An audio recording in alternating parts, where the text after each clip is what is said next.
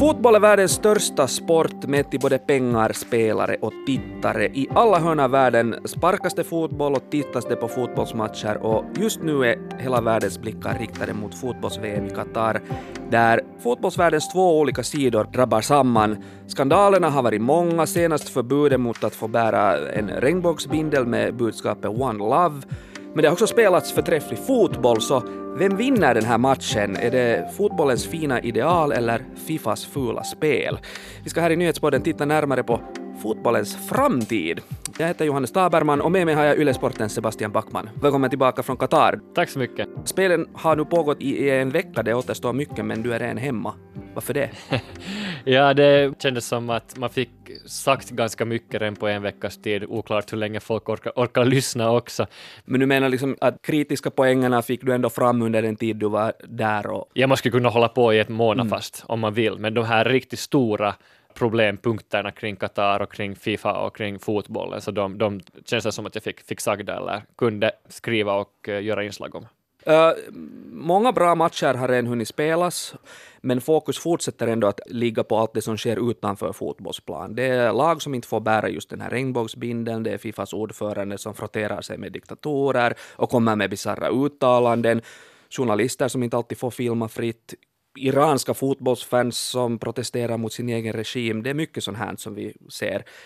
Glömde jag något viktigt här? Nej, det finns mycket, mycket att säga. ja, men, men jag tänker på det att har din liksom egen syn på fotboll eller på det här, vi här VM-spelen förändrats i och med att du var där på plats i Qatar? Jo och nej, jag har ju varit medveten om de här problempunkterna tidigare och det, det, finns ju i Europa också. Vi har haft Abramovic som köpte upp Chelsea, där började det mer eller mindre. Så har vi Rysk oligark. Exakt, så City, PSG, Newcastle, tre stora klubbar som ägs av eh, Qatar, Abu Dhabi, Saudiarabien, så Europa har sålt sig till oljepengar, problematiska pengar. Så de här problemen har existerat och finns fortfarande.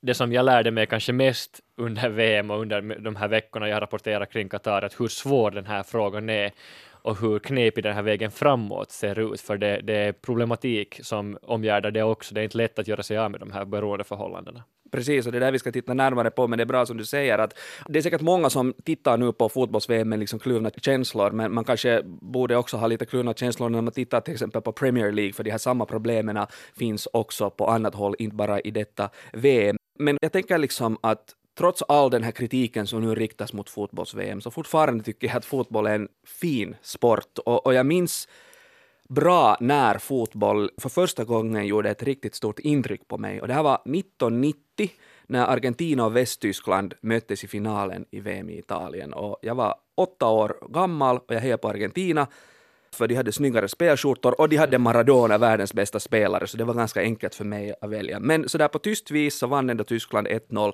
med en sen straff.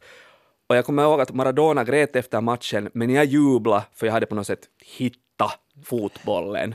Men trots de här minnena så får Fifa och hela fotbollsmaffian mig att, att, känna mig smutsig. Och jag hörde en bra podd där man talar om det här dilemma, moraliska dilemma som kognitiv dissonans, det är ett psykologiskt begrepp som som egentligen beskriver en, en så obehaglig känsla som uppstår när våra handlingar och våra värderingar krockar. Hur är det med dig som sportjournalist? Känner du igen dig i den här kognitiva dissonansen? Absolut till viss del. Jag tycker själv så har jag blivit mindre intresserad kanske just av Premier League, kolla på färre matcher än tidigare, kolla mer på inhemsk fotboll sen mm. i, i sin tur. För man måste ju nog ha två tankar i huvudet samtidigt när man ser på internationell toppfotboll och, och måste stänga av den där humanistiska delen kanske till viss del och själv som Liverpool-supporter så oroar jag mig för att, att kommer nu Saudiarabien att köpa upp klubben som uppges vara till salu så då får man förhålla sig till en ny verklighet igen. Så det är bara så som världen fungerar just nu mm. och det måste man ju säga att många gillar ju det här också för eh, det blir ju större matcher, mer synlighet och, och också bättre spel hela tiden. Du var inne på inhemska fotbollsligan och Finland är ju inte med nu i VM, men Finland skulle förstås gärna vara med i VM och har försökt ta sig dit. Uh, hur ställer sig liksom Finlands fotbollsförbund sig till, till det här VM? Det är ju lätt att sitta nu och vara kritisk när man inte med. Men... Absolut, jag tycker att vi har all orsak att se oss själva i spegeln, både Finland och resten av Norden som står enade här nu och kritiserar Qatar och kritiserar VM och kritiserar, kritiserar Fifa, för vi var med i den här leken väldigt länge. Danmark som ett exempel bidrog till den här eh, negativa förändringen då genom att rösta på Sepp Blatter, Fifas tidigare ordförande, korrupt eh, sådan 1998. Då var Lennart Johansson motkandidat som svensken då som kampanjerade för en ren fotboll några, äh, tio år senare röstade man på Michel Platini, en annan i den korrupta Fifa-maffian. Ja. Så vi har varit med om det här och Finland så är väldigt mjukt nu med i den här påverkningsrörelsen. Vi är inte på samma sätt som Lise Klaveness i Norge till exempel fräna i vår kritik. För Finland vill ha ett fotbolls-EM på damsidan 2025 och det tycker jag syns att Aha. vi vill inte vara så fräna i den här kritiken för det har konsekvenser. Det har visat sig gång på gång. Infantino som styr Fifa, han har visat en god förmåga på att sitta på pengarna, dela ut dem på rätt sätt och på det sättet knyta till sig lojala typer, göra sig av med kritiker om man inte är med i spelet, då får man inte njuta av eh, de stora pengarna, de stora mm. förmånerna som det ger att vara med i ett stort förbund som Fifa. Så. Det ger ju ett ganska så skenheligt intryck och det låter ju som maffiafasoner och det har varit mycket snack om, om VM i Qatar borde bojkottas eller inte och, och kritiken just mot uh, Fifas ordförande Infantino har inte varit nådig, han kallas för en korrumperad diktaturkramare. Men samtidigt så fortsätter ju fotbolls-VM att, att vara världens största idrottsevenemang som nästan hälften av jordens befolkning följer med. Men hur mycket kan man lägga den här skulden för det på, på, på just bara Infantino och, och den här Fifas fotbolls maffia? Man kan se det på två sätt. Dels finns det orsak att lite vara mild mot Infantino för att det var inte han som bestämde att Ryssland skulle få VM 18 och Qatar skulle få VM 22.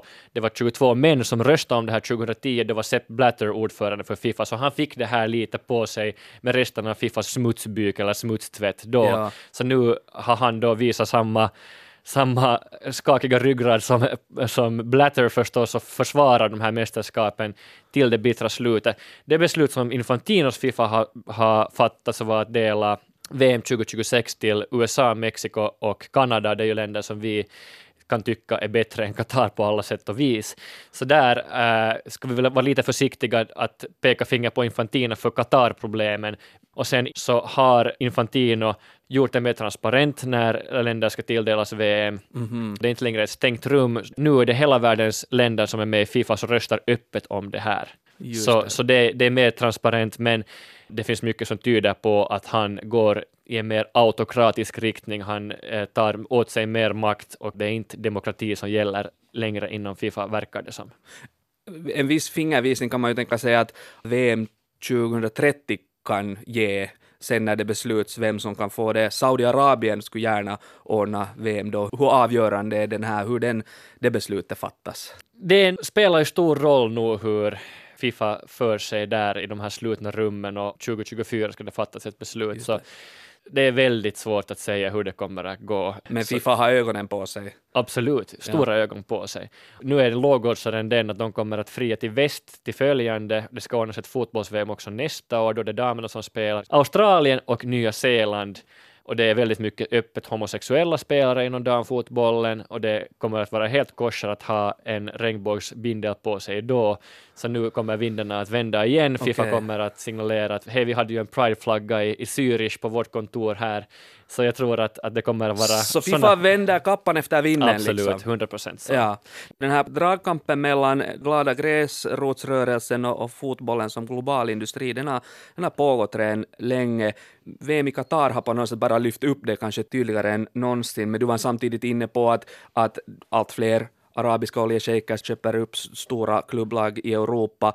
Och man kan ju tycka liksom att det är oschysst när man går tillväga på det här sättet, men Samtidigt spelas väl fotboll också på en allt högre nivå än någonsin. Spelarna är snabbare, starkare och skickligare än någonsin, så, så utvecklas inte fotbollen samtidigt när man pumpar in så här mycket pengar. Absolut är det så, men så är det också i all annan idrott. Man skrinnar snabbare i ishockey, man hoppar längre och högre i, i, i stav och i, i längd och, och så vidare. Mm. Att eh, utvecklingen fortsätter och är frågan att är det oljepengarna som bidrar till det eller kunde man också klara av att utveckla fotbollen på ett mer hållbart sätt med mer eh, rena pengar då. Jag mm. tror att man ska absolut kunna göra det, att det är inte oljepengarna som är avgörande i den här frågan. Ja, samtidigt kan man ju nu få med all den här kritiken om korruption och sådär få en bild av att, att, hej, att, att allt det sportsliga försvunnit ur fotbollen. Men sen om vi tänker på det här VM, Saudiarabien vann över Argentina, det var en skrällseger för Argentina, en av förhandsfavoriterna och ingen hade kunnat tänka sig det.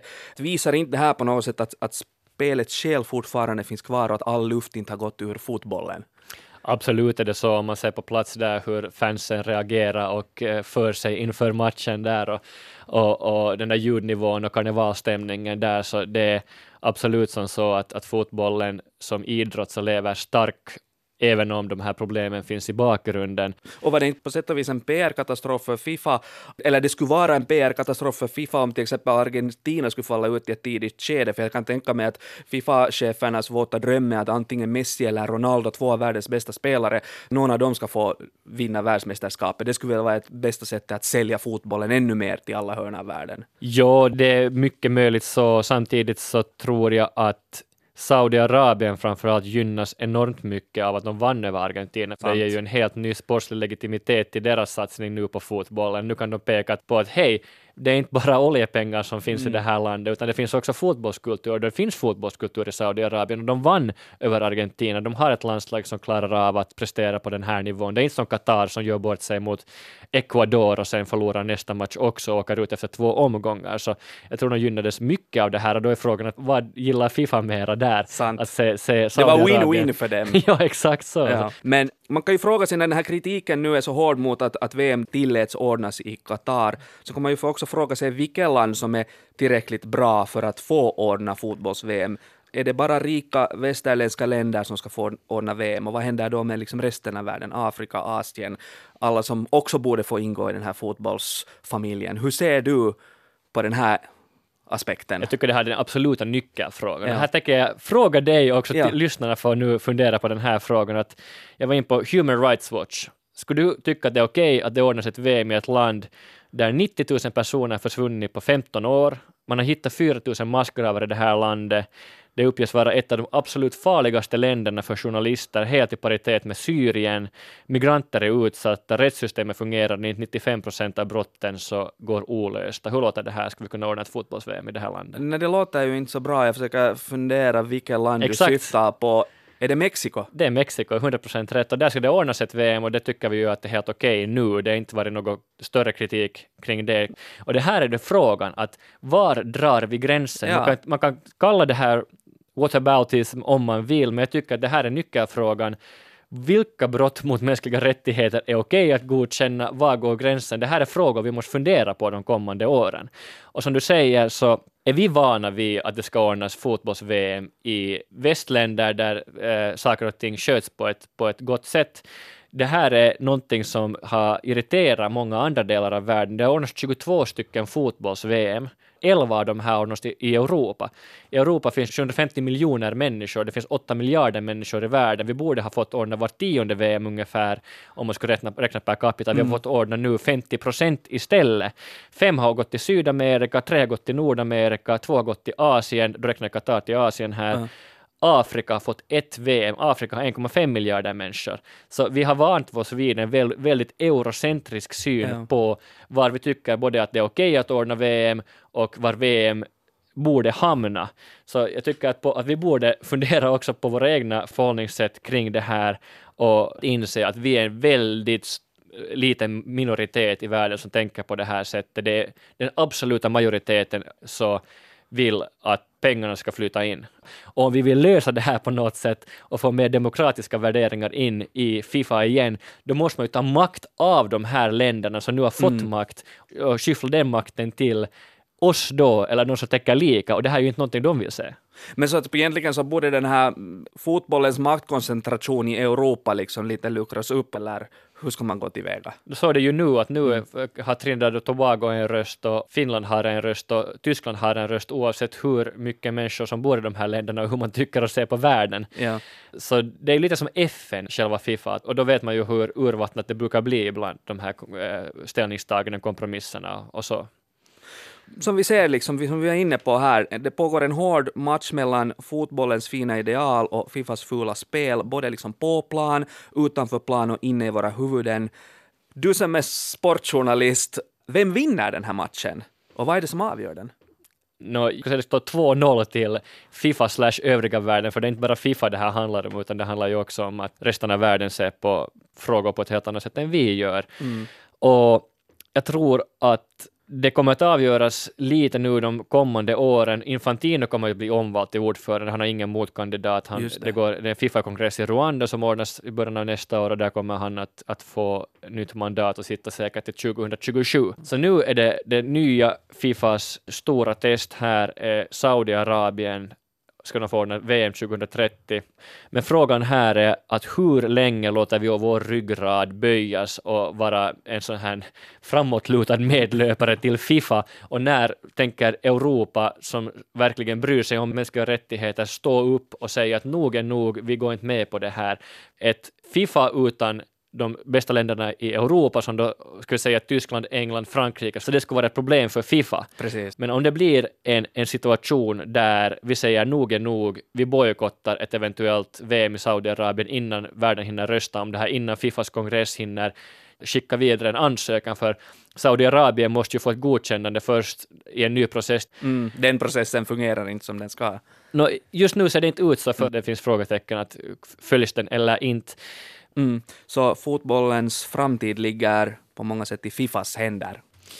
Och på trycket på Fifa. Absolut så. Ja. Fifa är inte immunt för påtryckning Nej. och vi har inte gjort tillräckligt hittills. Precis. Sebastian Tackman... Sebastian... Tackman. Det låter bra. Det låter bra. Seb- Sebastian Backman, tack för att du kom hit till Nyhetspodden. Tack så mycket. Jag heter Johannes Taberman, producent är Ami Lassila och tekniken sköttes av Staffan Sundqvist. Fortsätt lyssna på oss.